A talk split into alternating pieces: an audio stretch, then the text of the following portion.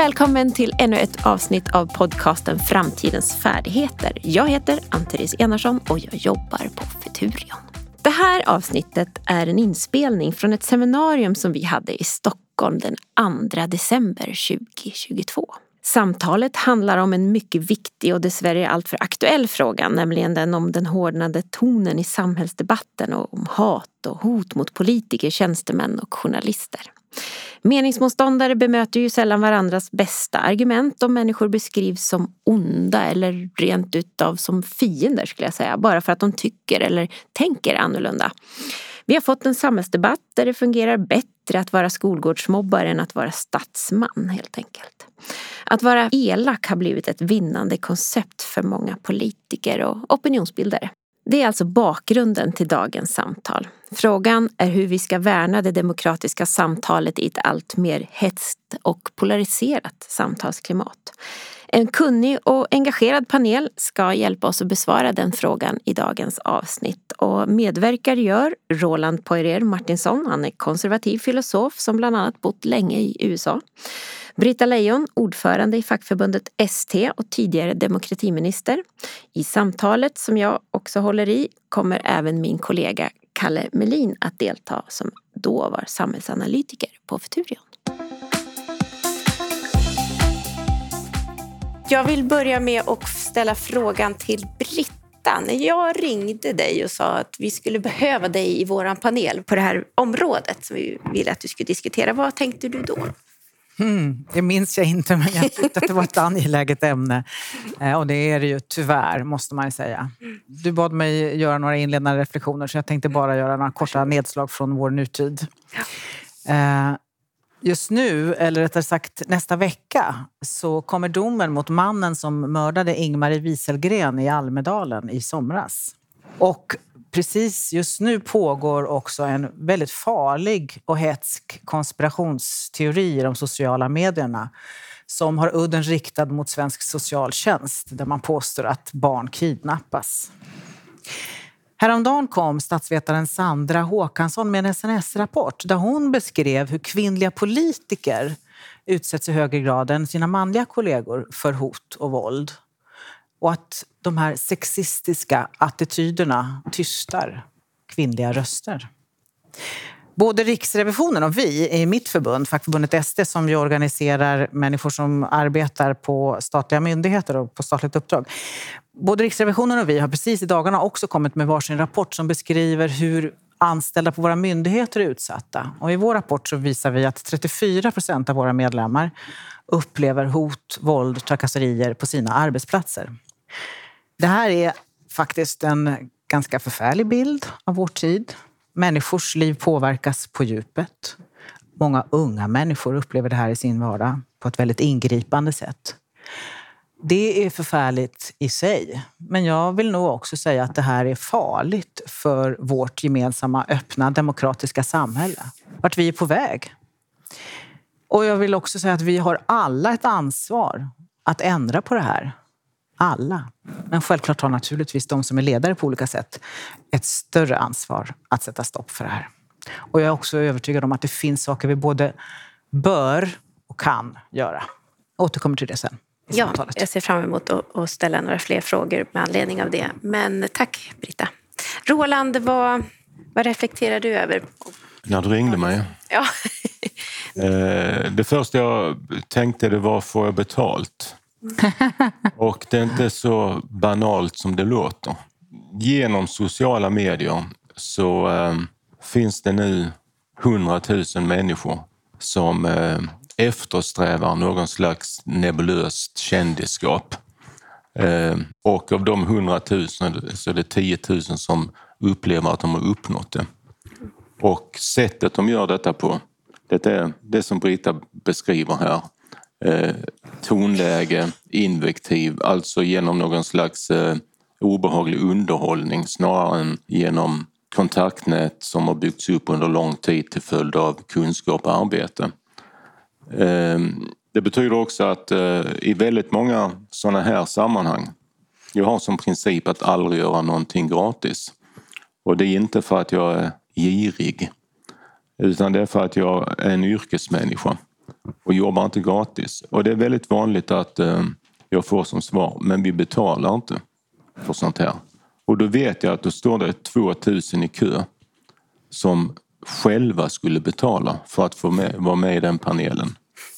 Ehm, det finns alltså en ehm, kändiskultur som har trängt sig in i det demokratiska samtalet som lever på just de här mekanismerna att göra det demokratiska samtalet till en vulgär underhållning. Det var en del av de problem vi har. Men eh, apropå din fråga till Britta så var det det första jag tänkte. Jag vill ha betalt och detta var skälet. Vi har fått tillfälle att, att också ställa fler frågor kring din första reflektion där. Hur mycket skulle du ha, sa du? eh, Kalle? Nej, men alltså det här är ju ett jätteproblem. Alltså det är ett problem i flera dimensioner. Alltså, dels kan vi se, alltså, det finns ju ett antal röster som faktiskt har tystat. Alltså priset har redan betalts. Det finns väldigt många, inte minst kulturarbetare som har varit aktiva i samhällsdebatten komiker eller tecknare eller vad som helst som har låtit bli att skriva vad de tycker i social, på Instagram eller man låter bli att kanske göra det ena eller det andra därför att man orkar inte. Även om man känner att jag vill inte tystas, jag vill säga vad jag tycker. Eller jag är inte särskilt politisk men någon gång måste jag väl kunna markera mot om det är gubberi eller rasism eller vad det är. Men man, man har tystats därför att det blir så mycket skit som dyker upp. Så där har vi liksom redan betalat ett pris. Eller journalister. Jag menar, det är klart att eh, om du jobbar på Dagens Nyheter eller Aftonbladet då har du naturligtvis tillgång till en säkerhetsavdelning eller du har skydd och du kan prata med folk och advokater. Men om du är frilansjournalist eller jobbar på en liten tidning ute i landet Eh, och du vet att om du skriver om vissa ämnen så kommer det att liksom påverka hur du bemöts. Eller om någon har ristat något i din bil eller vad det är frågan om. Så du tystar, inte för att du vill men för att du helt enkelt inte orkar. Och även om du själv är villig att betala ditt pris så kanske du inte vill att dina barn ska göra det eller vad det är frågan om. Så det är liksom det här mera det personliga. Men sen är det klart också att det är ett samhällsklimat som är i polarisering där liksom vad, vad, är det som liksom förenar eh, Trump-delen av USAs republikaner? Alltså försök hitta ett politiskt program. Utan det som förenar det är hur mycket man tycker illa om de andra. Där liksom hatet eller motståndet är snarare det som förenar än att man till exempel vill sänka skatterna eller stärka försvaret eller vad det nu kan vara för något som driver och vi vet ju att flera av våra mest liksom kända politiska företrädare på nivån under den högsta. Alltså det som har belönats har ju ofta varit de som är elakast. Ja. Det är den som är elakast vinner provvalet och får komma högt upp på riksdagslistan eller vad det är frågan om. Vi kommer titta på ja. närmare och diskutera också ja. utvecklingen i vår eh, omvärld, inte minst då USA med anledning av att båda ni har mycket erfarenhet av det också. Men jag skulle vilja återvända till Britta ändå utifrån att du nämnde den rapport som släpptes från SNS tidigare i måndags. Rättare sagt, det var forskaren Sandra Håkansson. Mm. Där eh, det blev tydligt att framträdande kvinnliga politiker utsätts för mer hat och hot än sina manliga kollegor. Och följden blir ju mycket riktigt det som ni nämnde, att kvinnor tystas i debatten, eh, skriver hon också. Känner du själv igen dig i den här beskrivningen, Britta? Du har ju både varit liksom minister och verkligen kan relatera till politikers vardag. Mm. Jag har varit väldigt förskonad, men jag har ju både haft och har också nu eh, kollegor som är väldigt utsatta. Och det är ju precis som Karl säger här, att det har ju betalats ett högt pris människoliv har gått till spillo och människor har tystats. Och jag tycker att det är väldigt tydligt att det är under andra villkor som kvinnliga politiker verkar. Det är inte bara den här SNS-rapporten som har kommit nu på sistone utan det finns ju tidigare både forskningsrapporter som har beskrivit de här problemen även historiskt. Absolut. Vi hade bokat det här samtalet Ja. innan vi Ja. rapporten kom. Det var bara ett, en diger flora på ämnet. Mm. Och just som du nämner, den här könsdimensionerna i angreppen leder ju faktiskt till att kvinnliga politiker oftare än manliga eh, undviker att synas eller uttala sig i vissa ämnen. Då. Och då blir jämställdheten, tänker jag, eh, lidande. Det går ju ut över jämställdheten på flera Mm. sätt. Ibland annat riskerar att påverka den politiska debatten genom att ja, men viktiga frågor för kvinnor helt enkelt får stå tillbaks, inte synas i den politiska Absolut. debatten. Jag tycker den senaste valrörelsen var faktiskt också ett sånt exempel. Ja, var, det, var det ett exempel på det eller var det faktiskt självklart att fokus skulle ligga på energi, brottslighet och invandring? Det är ju jätteviktiga frågor, men så här i efterhand så hade man ju önskat att några andra frågor också hade fått lite syre i debatten. Och jag tänker till exempel på välfärdens utformning, drift, finansiering, skolan, vården, sjukvården. Liksom. Vi vet ju att det är jätteviktiga frågor och pratar man inte om det i valrörelsen som ändå är liksom top of mind för människors funderingar om livet så betyder det också att kontraktet mellan de valda och väljarna kring vad som ska göras efter valet blir också outtal. Alltså det blir inte tillräckligt redovisat. Vad är det för planer vi har då? om vad, Hur ska vi lösa det här med finansieringen av sjukvården framöver? Hur ser vi på att, vilka former verksamheten ska bedrivas? Så att det är ett demokratiskt bekymmer på flera plan. Ja. Var det givet att det var de hårda frågorna skulle dominera? Ja, det tror jag nog att det var. Jag tror att det är givet framöver också. Alltså de här andra frågorna, välfärdsfrågor etc. De är rätt krångliga, de är strukturella. De, de kräver tekniska lösningar. Eh, tekniska lösningar lämpar sig inte för eh, 180 eller 140 tecken eller vad det är man får på Twitter. Utan vad som krävs då är att man lyfter fram enskilda personer, enskilda människoöden. Och i samma stund som man lyfter fram de här så har man sänkt debatten väldigt, väldigt mycket. Och då börjar det handla om huruvida den här personen i själva verket eh, har en eh, bror som kör en BMW eller något sånt här istället för eh, att den här personen har blivit utförsäkrad. Eh, vi, vi, vi har en strukturell, viktig debatt men den reduceras till en seriestripp i sociala medier. Och, och ett ytterligare problem här tror jag att man skiljer på sociala medier och gammelmedier. Jag är inte säker på att den där skillnaden är giltig längre. Eh, gammelmedier har blivit så mycket influerat av sociala medier att det snarare är en, en megafon för att, att låta någonting som är ganska begränsat trots allt inom sociala medier spridas väldigt, väldigt mycket. Eh, Då blir det symbios och... eh, Alltså jag, jag råkade ut för det en gång. Eh, alltså jag skulle hellre skjuta mig själv i höftbenet med en älgstudsare än på något sätt arbeta för Sverigedemokraterna.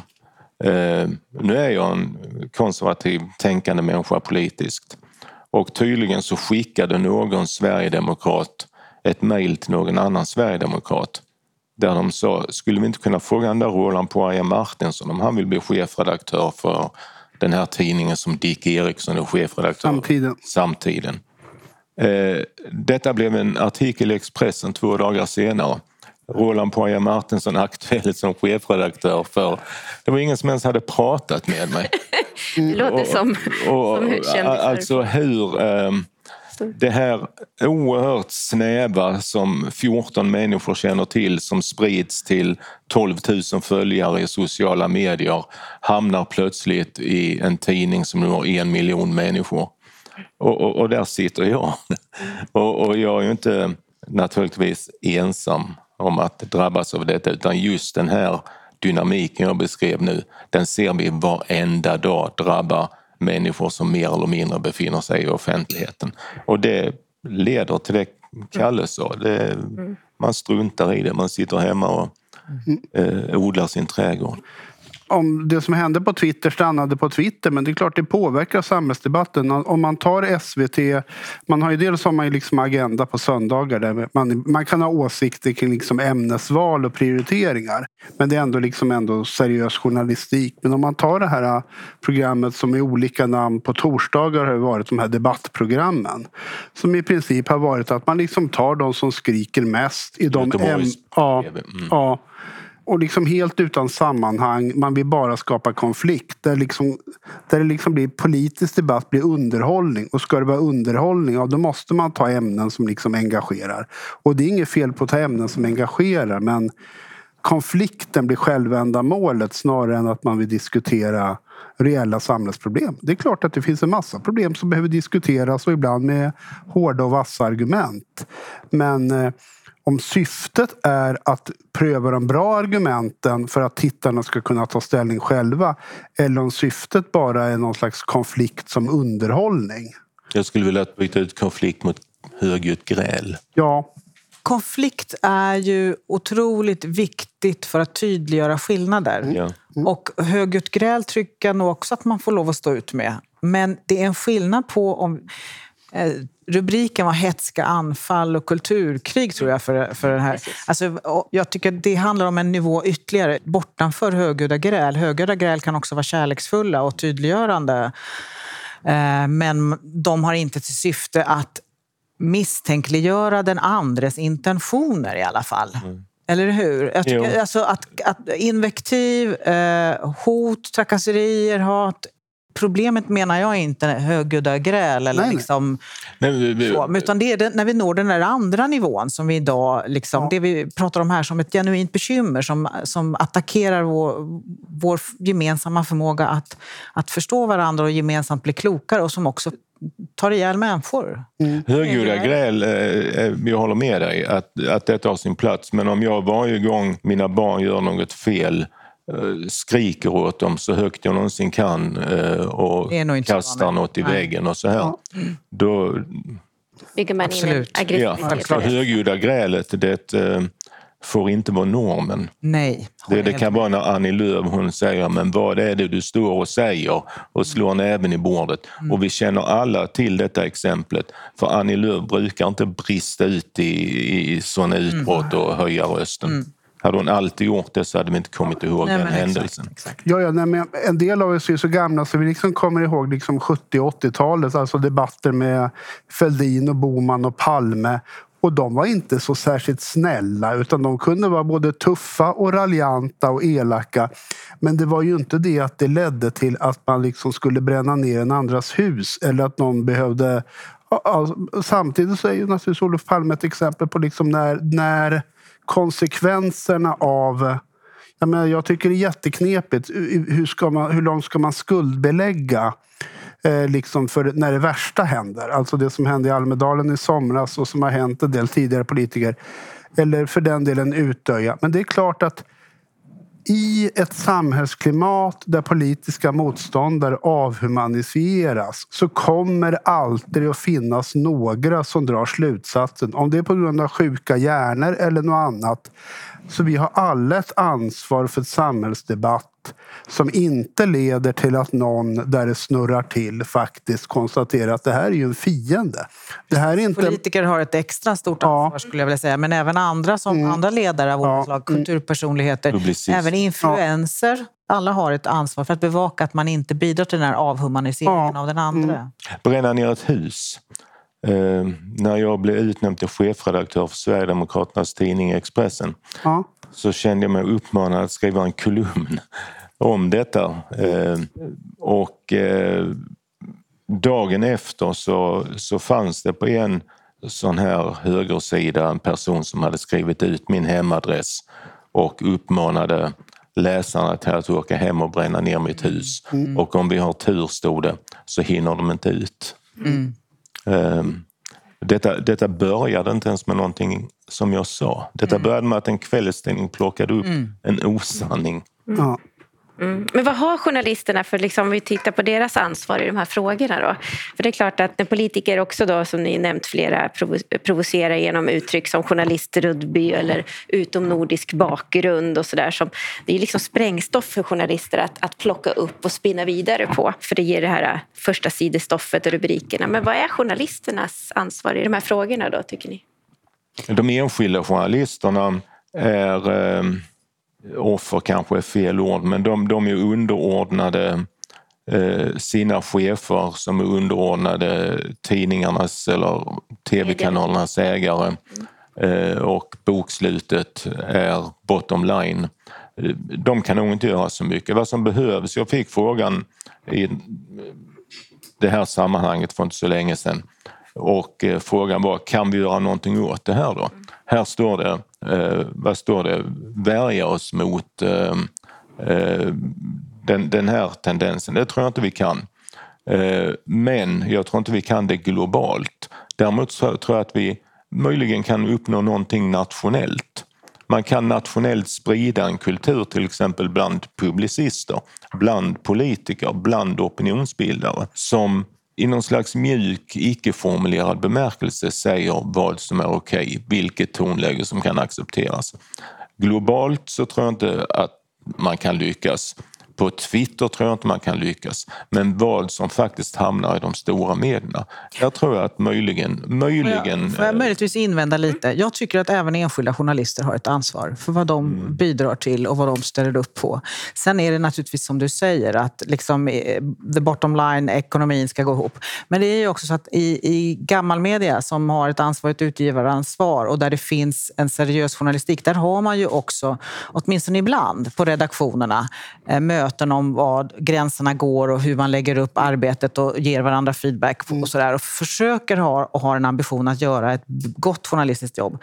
Eh, men, men, så det är ett väldigt viktigt arbete att fortsätta med, precis på det som du beskriver. Men Sen har vi bekymret med dem i sociala medier-sammanhang, alla möjliga sorters, där vi idag inte har möjligheter att att komma åt, för det är inte reglerat på det sättet. Och det där kan man ju liksom beställa och orkestrera både drev, etnisk rensning, övergrepp och konspirationsteorier utan att någonting går att göra någonting åt idag.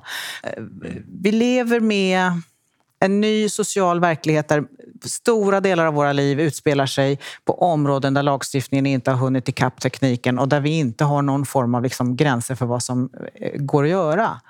Och det kan inte vi fortsätta ha. Och det, det, kommer vi inte åt nationellt, utan där måste vi hjälpas åt. EU är ju på gång och gör en del, har tagit en del väldigt viktiga, ja. värdefulla initiativ till att reglera mer av techjättarnas verksamhet. Och det behöver vi fortsätta med. Sen jag är det inte enkelt. Inte på, men, jag tänker kanske inte på formella regleringar. Nej, jag, jag tänker på att varje land eller i olika länder. Jag har bott i Texas. Mm. Där finns en kultur. I Kalifornien finns en helt annan kultur. I Sverige finns alltså i begränsade samhällen som Sverige är ett rätt mm. begränsat samhälle så kan en kultur råda. Och den kan vi jobba mer på ja. än vad vi gör. Vi, mm. alltså det behöver inte kunna vara acceptabelt att Hanif Bali beter sig som han har gjort år efter år efter år samtidigt som han är riksdagsman för ett politiskt parti. Det fanns en tid då det inte hade varit möjligt. Mm. Eh, och den kulturen den kan man, tror jag, i någorlunda grad vidmakthålla utan formella regleringar. Absolut. Men Kalle, hur är med det, om, nu tog vi det här exemplet Hanif Bali då. Eh, hur ser du på politikernas alltså och partiledningarnas ansvar i den här frågan då, med anledning av debattklimatet? Alltså jag tycker partiledningarna har ett jättestort ansvar. Sen får man ju bara konstatera att partierna på sätt och vis blivit starkare utan att liksom gå in på kanske enskilda personer. Men det är klart att om en sån här enskild person genom att vara elak i sociala medier bygger upp en sån stark ställning så att partiledningen de facto inte kan styra. Och jag menar, om man då är en profilerad riksdagsledamot med 100 000 följare är det ett jättestraff att bli bortplockad som ersättare i arbetsmarknadsutskottet eller vad som nu... Vad, vad liksom konsekvenserna spelar liksom ingen roll för du har ändå kvar plattformen. Och plattformen blir också kommersiell därför att eh, även om du inte får jobb på gammelmedia så kan du liksom bygga upp din egen liksom, nyhetstjänster och liksom ta betalt. Och vi vet att då är det genom att vara så elak som möjligt. Alltså, folk verkar vara mer villiga att betala för elaka åsikter än för liksom kvalificerad journalistik. Mm. En, en sådan här person eh, mm eh, som kastas ut eller eh, eh degraderas mycket kraftigt. Då kan det också försvinna 20-30 000 röster från det partiet. Ja, ja. Det exemplet vi tog här hade ju inte funnits kvar om det inte hade varit en, om man inte hade räknat röster. Som är inne på det området. Roland, du skrev ju i Aftonbladet för en månad sedan någonting om, om framgångarna för Europas populistiska högerpartier. Vilken roll spelar den politiska retoriken och hur kommer den att utvecklas? Det är en sån fråga som jag har velat ställa till dig länge.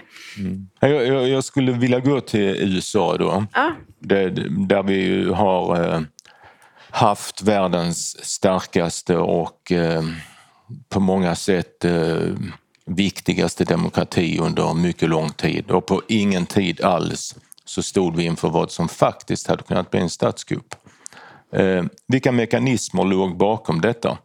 Jo, eh, kandidaten för ett parti väljs via primärval. Donald Trump han ställde upp i primärval tillsammans med nio andra kandidater tror jag. I de här primärvalen så röstar ungefär 5% av den amerikanska valmanskåren. Eh, av de som röstade i de republikanska primärvalen så tyckte två tredjedelar mycket illa om Donald Trump. Så de fördelade sina röster på åtta kandidater. Eh, Donald Trump han fick en tredjedel vilket med råge gjorde att han kunde vinna eh, kandidaturen. Nu vinner han kandidaturen med en och en halv procent av den amerikanska valmanskåren. Han hade alltså, inte varit ens i närheten av att klara riksdagsspärren i Sverige. Men i samma stund som han blir kandidat då eh, så är det ju som i Sverige, om, om vi hade haft två partier i Sverige hypotetiskt så hade ju 42 procent röstat på det ena och 42 procent på det andra oavsett om de ställde upp med Kalanka och Långben som partiledare. Mm. Så är det och på samma sätt är det i USA. Och därmed så blev han en, en eh, viktig politiker på nationell nivå efter att ha fått en och en halv procent av valmanskårens röster. Om vi då tittar på Sverige så är vi på väg i den riktningen också.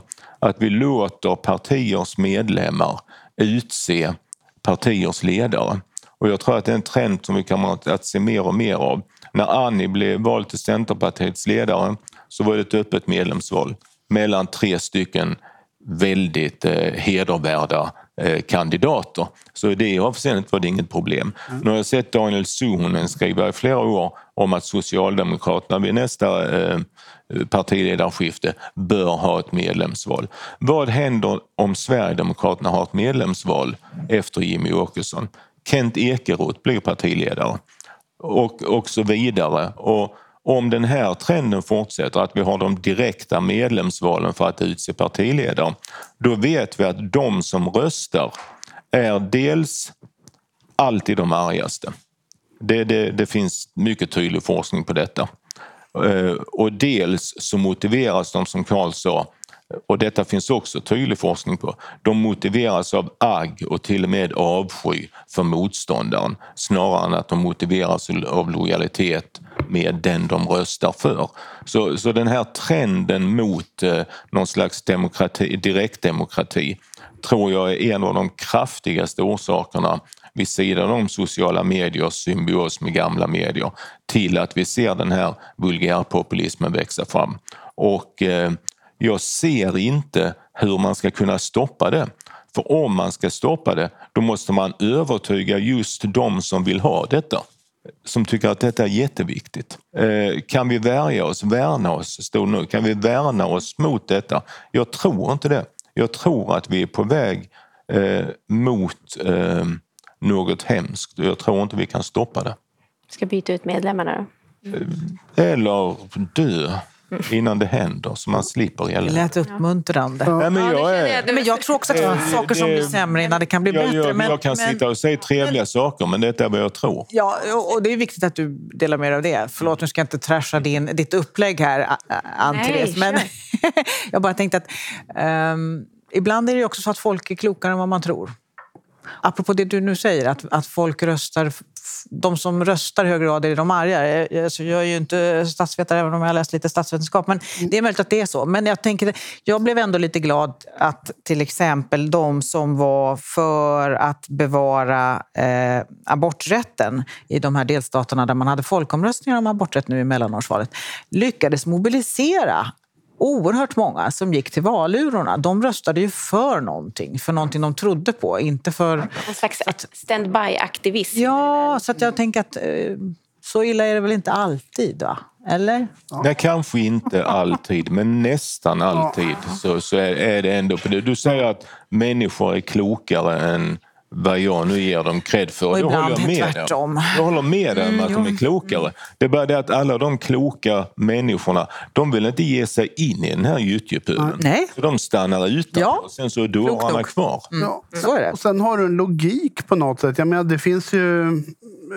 Roland, du känner ju väldigt många i det republikanska partiet i USA och även om man inte politiskt på något sätt... Jag känner sig väldigt, att man står väldigt långt ifrån det partiet så är det ändå i grunden liksom hedervärda, normala människor även om det är åsikter man kanske inte delar.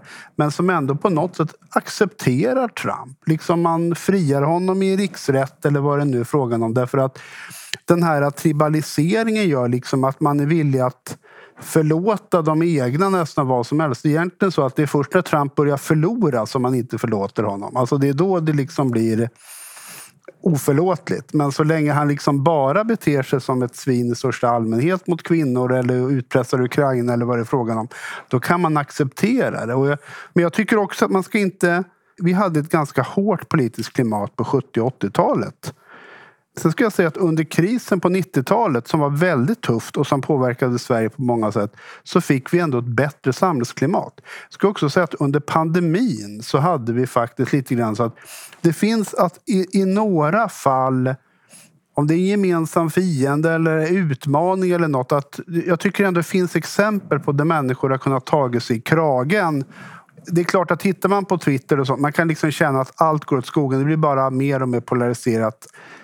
Samtidigt så tycker jag ändå att det finns exempel på Kanske ofta när man liksom känner att ah, men nu är det på riktigt. Nu måste vi liksom hantera den här krisen eller vad det är frågan om. Så händer det någonting. Rysslands krig eller pandemin eller något. Så det, ja, jag, jag är inte så pessimistisk även om ibland i mina mörka stunder så kan jag också känna lite grann. Men, men den här eh, Trump-lojaliteten som du talar om, den är också en eh, följd av en struktur, politisk struktur i USA. För de som röstar på Trump, som följer honom med sina röster i kongressen, de ska hem och vinna ett val. Och för att vinna det valet så måste de vinna ett primärval där hemma. Och då måste de övertyga samma mycket, mycket lilla minoritet i sitt distrikt eller i sin delstat. Så att gå emot Donald Trump i kongressen är lika med att eh, vara lobbyist två år senare istället för senator eller representant. Just för att det är en sån liten, liten del av valmanskåren som påverkar Ja. slutresultatet. Nej, men det är klart att Säger något om behovet av kanske ett annat valsystem. Ja, primärvalen har spelat ut sin roll och det, de fungerade jättebra så länge partierna de bestämde i rökiga rum på hotell. Eh, Och det är inte så länge sedan det såg likadant ut i Sverige. Partiledningarna avgjorde. Eh, Idag så har partiledningarna mycket mindre makt över eh, eh, efterträdare, vilka som ska ta över, starkare än vad de är i USA. Men på väg mot att bli allt svagare också i Sverige. Och demokrati, eh, där har vi folket och vi har representanterna. Men vi måste ha mellanliggande eh, st- stabiliserande institutioner mellan dessa två. Och det är de som håller på att försvinna. Och det är definitionen på populism, att de försvinner. Och att vi bara har väljare och politiker. Just det där eh, konstitutionella ramverket som ändå håller ihop en väldigt skör demokrati. För det blir den ju när, när vi eh, attraheras av karismatiska personer, högljudda personer har det beskrivit här. Och, och människor som lätt förförs och springer efter. Det finns ju på så sätt inget kvalitetskrav i i demokratin på så sätt. Var inte det också som kanske typ Platon problematiserade mycket med om vi ska liksom Jo, det, det, det var ju demokrati var lika med pöbelvälde. Eh, Jag håller med Brita om att, att de flesta är kloka. Det är bara det att det är ett klimat som gör att de flesta låter bli. Jo, det är ju livsfarligt. Men, Ja. Och där behöver vi ändå ha eh, också... Både, vi har ju ett annat valsystem än USA. Vi, Ja. alltså, vi har också inbyggda spärrar mot att det ska gå allt för långt. Men det är Ja, klart att men det... min poäng är just det- att vi är på väg mot eh, medlemsval för att utse partiledare. Mm. Skulle inte vara förvånad om detta är regel om tio år. Men Kalle, jag tänker, vi, vi, har ju, vi på Futuren gjorde ju inte minst här under våren en, eh, lät professor Jes- Jesper Strömbäck sammanställa hur, hur Sverige stod sig jämfört med andra länder och i olika slags eh, rankings och globala index och presenterade en nyanserad bild av Sverige och Sverigebilden, vilket starkt ogillades då eh, på sina håll. Tycker du att det är någonting som politiker alltmer presenterar, alltså en bild av verkligheten som bara bekräftar och förstärker sin egen bild? Det har alltid sett ut så här. Nej, men alltså, grejen är ju så här att eh, de flesta av oss skulle nog vilja, tycka att det absolut bästa det är att man liksom får ta del av olika fakta. Att man, att man läser, gärna läser ledarsidan i en tidning vars ledarsida man inte håller med. Att man tycker att det är intellektuellt stimulerande att liksom spetsa till och, tänk, och lyssna på liksom andra argument. Men i praktiken så är det ju så att väldigt många vill snarare liksom få sin världsbild bekräftad. Och mycket av vår nyhetskonsumtion är så att vi gillar artiklar, inte för att de är välskrivna utan för att de bekräftar våra egna åsikter eller fördomar. Vi sprider vidare nyheter i sociala medier som bekräftar våra åsikter och fördomar. Och den här äh, rapporten vi gjorde, som ju är skriven av liksom professor Strömbäck och äh, är väl liksom förankrad i vetenskap och allting eftersom den då krockade med väldigt många människors fördomar, alltså deras bild av att Sverige som ett land i förfall så väcker en massa nu. Nu var det aldrig aktuellt för oss att vi skulle låta bli att publicera den här rapporten bara för att vi visste att det skulle reta upp folk. Men det är klart att för en person som Jesper som skriver rapporten, jag menar, han vet vad som händer i hans mailbox eh, när han ger ut den typen av rapporter och eh, saluför den typen av åsikter. Att det finns ett pris att betala. Eh, Sen håller jag med eh, Roland lite grann. Jag tror inte att vi kanske är på väg till det här med primärval. Men jag skulle säga att det är ett problem att många partier, inte minst lokalt, är väldigt svaga. Alltså du kan egentligen gå ihop fem, tio personer i en kommun och gå så kan du, när det gäller de mindre partierna, kan du egentligen ta över ett politiskt parti. Och det har ju också hänt på några... Jag tror ett, ett skäl till att vi har fyra gånger så många kommuner i Sverige jämfört med för fyra år sedan där Socialdemokraterna och Moderaterna styr ihop. Det är därför att de partierna har fortfarande lite mer stadga och ser att det, det är svårt att samarbeta med små partier i många kommuner därför att de små partierna är så sköra.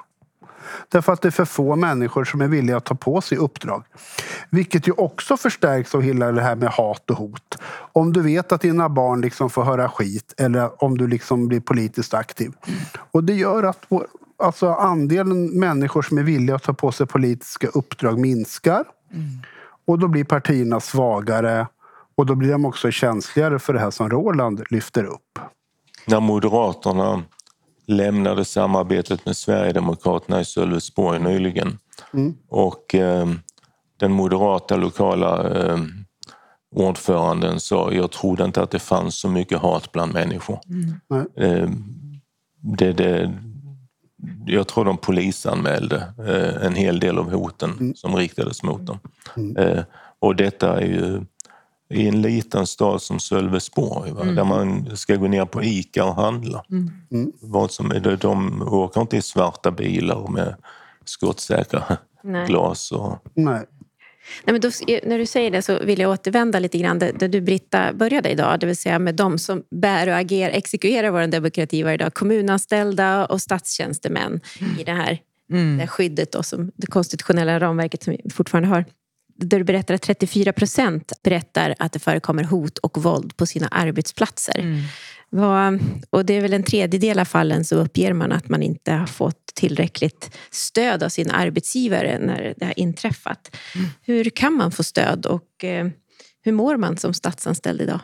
Ja, nej, men det här sätter ju naturligtvis sina spår, så är det. Och jag skulle vilja säga att eh, det, det vi kan se, jag menar, det har alltid funnits problem med, med hot mot viss typ av myndighetsutövning, den som har varit, jag menar, ni vet, kriminalvården, kronofogden etc.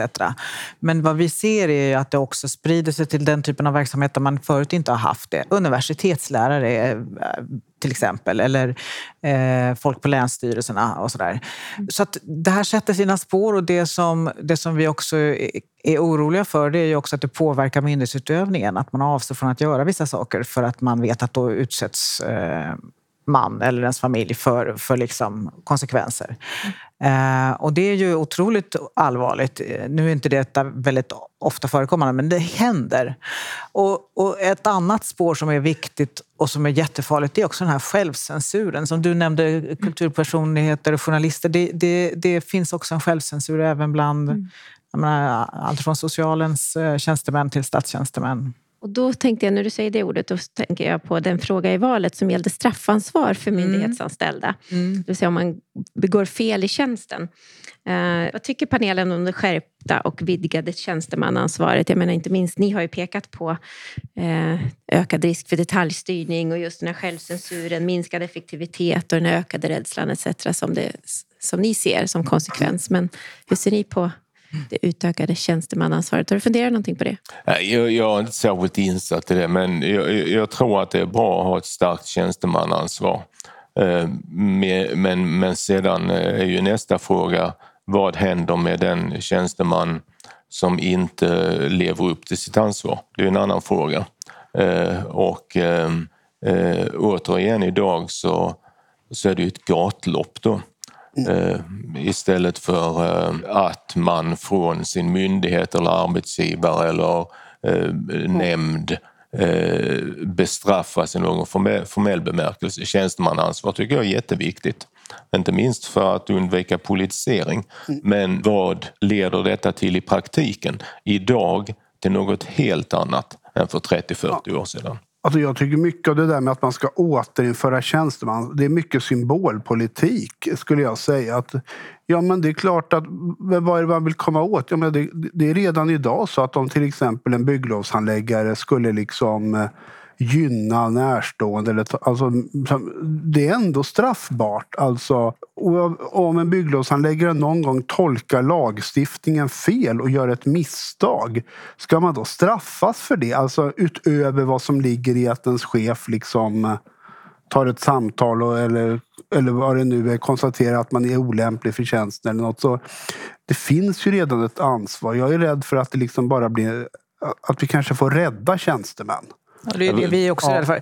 Självklart är det superviktigt eh, att, att myndigheter och myndighetsutövning oavsett, vilken, oavsett om det är kommun eller statlig verksamhet sköts enligt lagarna opartiskt och eh, icke korrupt. Mm. Men eh, eh, man ska inte straffa enskilda för systemfel. Och nu ska man ju titta på det här igen och det kan man absolut göra. För det är klart att det, det, det ska, vara, det ska fungera väl. Eh, men, men vi är ju oroliga för det här med att att man faktiskt eh, skjuter på pianisten. Och jag tycker att ett, en del av problematiken idag är att politiker faktiskt inte tar ansvar för sina egna beslut om lagstiftningen och hur den är tänkt utan att man skjuter pianisten framför sig, nämligen den enskilda handläggaren eller så. Eh, och då underminerar vi eh, faktiskt... Eh, dels så sågar ju politikern av den viktiga grenen man själv sitter på. Förvaltningen är ett otroligt viktigt verktyg för att genomföra besluten. Men dessutom så riskerar vi att få en inte så väl fungerande stat eller kommun.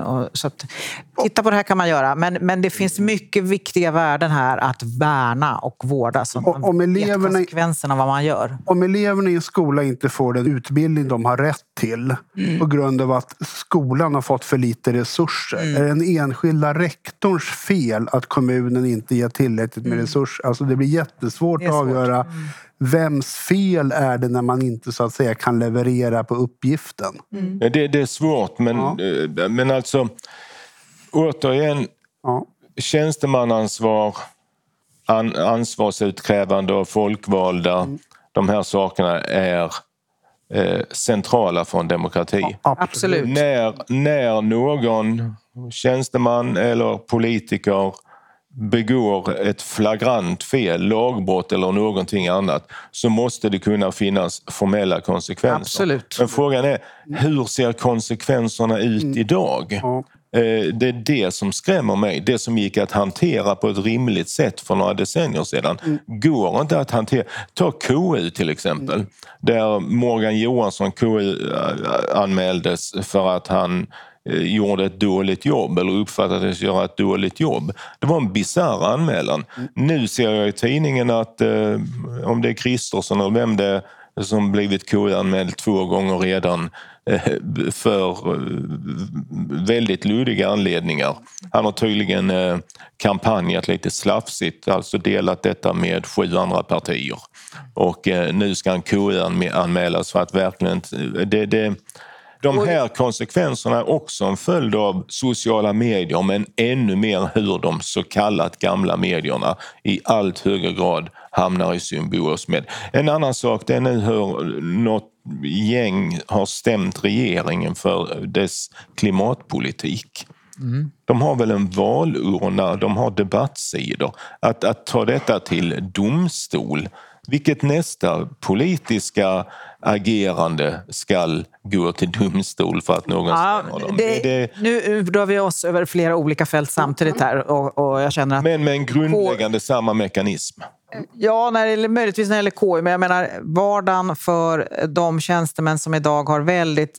Alltså så här, du nämnde covid-pandemin och att det fanns en, en form av samling och att du blev lite glad över att saker kändes som att vi förstod varandra och jobbade. Ja, det, så kände jag också. Men jag skulle vilja referera till eh, vad idé och lärdomshistorikern Andreas Önnefors har, har sagt, nämligen att efter covid-pandemin så har man kunnat iaktta att en hel del av hoten och haten har ändrat karaktär. Nu är det mer mot experter och tjänstemän. Alltså nu är jag tillbaka på liksom mina medlemsgrupper och så där, hoten mot dem. Och det handlar tyvärr då om att, man inte ställer, att det finns alldeles för många som inte ställer upp på det här med eh, den gemensamma kunskapsbasen, som har ett, eh, liksom, eh, skiter i vetenskap och sanning och drivs av sina egna agendor. Så han var inte alls förvånad över att Ingmarie Wieselgren till exempel eh, blev attackerad i, i, i Almedalen. Och, och, och det är ju eh, otroligt farligt om vi ser en sån utveckling. Så att, eh, Ja, jag känner att vi pratar om väldigt många olika saker samtidigt här. Men, men ansvarsutkrävande är viktigt, men det handlar också om att vi måste värna kunskapens betydelse och vetenskapens betydelse och inte tillåta eh, lögner och konspirationsteorier att bli underlagen för besluten om vårt gemensamma. Det är Det- faktiskt sant därför att den amerikanska motsvarigheten till Anders Tegnell, den här Dr. Fauci, som hade någon, han är ju just nu den mest då hatade mannen i USA i den här typen av konspirationsgrupper. Så, Och tyska Tegnell är Ja. också lever ständigt under dödshot om jag får Ja. rätt. Så att, mm. Och Anders Tegnell råkade väl inte ut för dödshot men det var inte så att han var generellt omkramad på sociala medier. Nej. eh, Det var, det några- mycket problem med hot mot, mot Folkhälsomyndigheten och är Ja. fortfarande det. Ja. Och Inte idag lika mycket. visar det sig att eh, han, verkar, han och hans myndighet verkar ha gjort ett mycket bra jobb. Hörrni, jag ställer slutfrågan. Men vad gör vi åt det då? vad är de viktigaste förändringarna som vi vill argumentera för och driva i olika sammanhang? Jag förstår att det kan vara 40 minuters föreläsning av var och en av er. Men om det är något ni vill liksom kasta med in som, som är viktigt att bära med sig från en ganska dyster stundom beskrivning av utvecklingen. Men vad har vi för ljuspunkter att trycka på? Roland, vill du starta? Vad ser du? Vi har ju en öppen demokrati och eh, ytterst så är det detta vi, vi kämpar för och lever på. Så eh, det går inte att tysta något på det viset. Eh, jag tror att eh, inom de politiska partierna, från arbetsgivarorganisationer, från fackföreningar, från publicister för viktiga medier att man på något sätt lyckas sprida en kultur. Att opinionsbildning i väldigt hög grad handlar om att förändra kulturen. Sverige är eh, inte ett så dumt land att leva i. Eh, Det är inte för stort för att vi ska kunna göra någonting som genomsyrar hela det offentliga samtalet. Jag tror att vi är körda globalt. Eh, När Sverige kommer. Men, men jag tror att eh, det kan finnas öar där man kan stå emot. Det kräver kraft, det kräver vilja, det kräver någon slags samordning.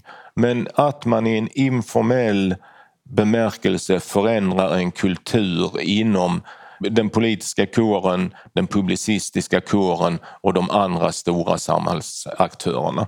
Och det, det, det tror jag, jag lät negativ innan. Eh, jag har fortsatt negativ i bemärkelsen att eh, vi kommer att få ett tredje världskrig. Men vi behöver inte ha ett inbördeskrig i Sverige. Det tror jag vi kan undvika. Ja, jag vet inte om jag ska säga att jag är lättad eller inte, men det var ju bra att det fanns ja. något som var positivt. Ja, nej, men jag tycker vi har varit inne på några av de saker som, som jag tror att vi kan eh, och bör göra. Alltså, betona ledares ansvar för att hålla räfst och rätta ting i sina egna organisationer och vara fördömen och inte ta heder och ära av varandra. Eh, vårda våra allmänningar tycker jag är viktigt. Alltså de få mötesplatser och arenor där vi idag möts som människor med olika erfarenheter, bakgrund och åsikter. De blir allt färre, men de finns kvar. Föreningslivet, eh, idrottsrörelsen, fackföreningsrörelsen eller vad det nu än är. Eh, vårda skolan som, som en arena där inte den här typen av övergrepp får försiggå. Eh, fysiska allmänna platser som gator och torg eller bibliotek, men också sånt som jag tycker är en allmänning som vi borde vårda public service. Eh, sådär. Att, att vårda våra allmänningar där vi möts. Sen måste jag säga att jag tycker att det är otroligt väsentligt att vi ser kvinnors särskilda utsatthet och faktiskt ger kvinnor eh, stöd utifrån de här förutsättningarna som de har, som är värre än, än för män. Eh, för att åstadkomma förändringar där, så att fler kvinnor vågar, orkar stå ut. Och sen har jag två punkter kvar. Den ena har jag också varit inne på, det här med teknikens betydelse. Vi måste, även om det är svårt, eh, i högre utsträckning reglera vad, som är, vad gränserna går på de sociala plattformarna och inte överlåta det till någon sorts självreglering av de här techjättarna enbart, för det kommer inte räcka. Där och det är hjälplöst. Ja, men där är det ju, EU är inte hjälplöst. Vi kan göra grejer i EU och det, gör, det är där vi behöver göra det. Och sen den sista punkten är att vi ska värna också våra demokratiska institutioner och de som, de som jobbar där. Vi ska inte bidra till att underminera våra demokratiska institutioner utan värna dem. Tack Britta. Du, kort och Kalle. Ja, men Britta sa väldigt mycket av det jag hade tänkt säga. Eh, men jag tror just det här med att ha en skola där människor möts. En bra skola. Att vi folkbildning, civilsamhället. Det är klart att om två personer hjälps åt med att organisera knattefotbollen så kommer de, även om de står väldigt långt ifrån varandra åsiktsmässigt. Alltså du skapar en gemenskap mm. när du möts i vardagen. Om det är i scouterna eller idrottsrörelsen eller en kulturcirkel eller något. Men just den här typen av mm. torgen, mötesplatserna där vi möts som jämlika medborgare. Vi måste påminna oss om det är 99 procent som förenar människor och inte om den där lilla procenten där vi tycker helt olika. Alltså fokus måste vara på det som förenar. För då är, det, då är det inget problem att ta ut svängarna i de där frågorna där vi tycker lite olika. Därför att vi vet att vi i grunden har så mycket gemensamt som människor tyckte det var en väldigt fin avslutning på det här samtalet. Mm. Tack ska ni ha för dagens samtal och någonting, inte allt för dystopiskt att bära med sig in i helgen, men också fundera ja. på vad vi har för möjligheter och kanske ta en liten paus från sociala medier, vad vet jag, i helgen i alla fall. Tack så mycket för att ni har dykt upp och ha en trevlig helg.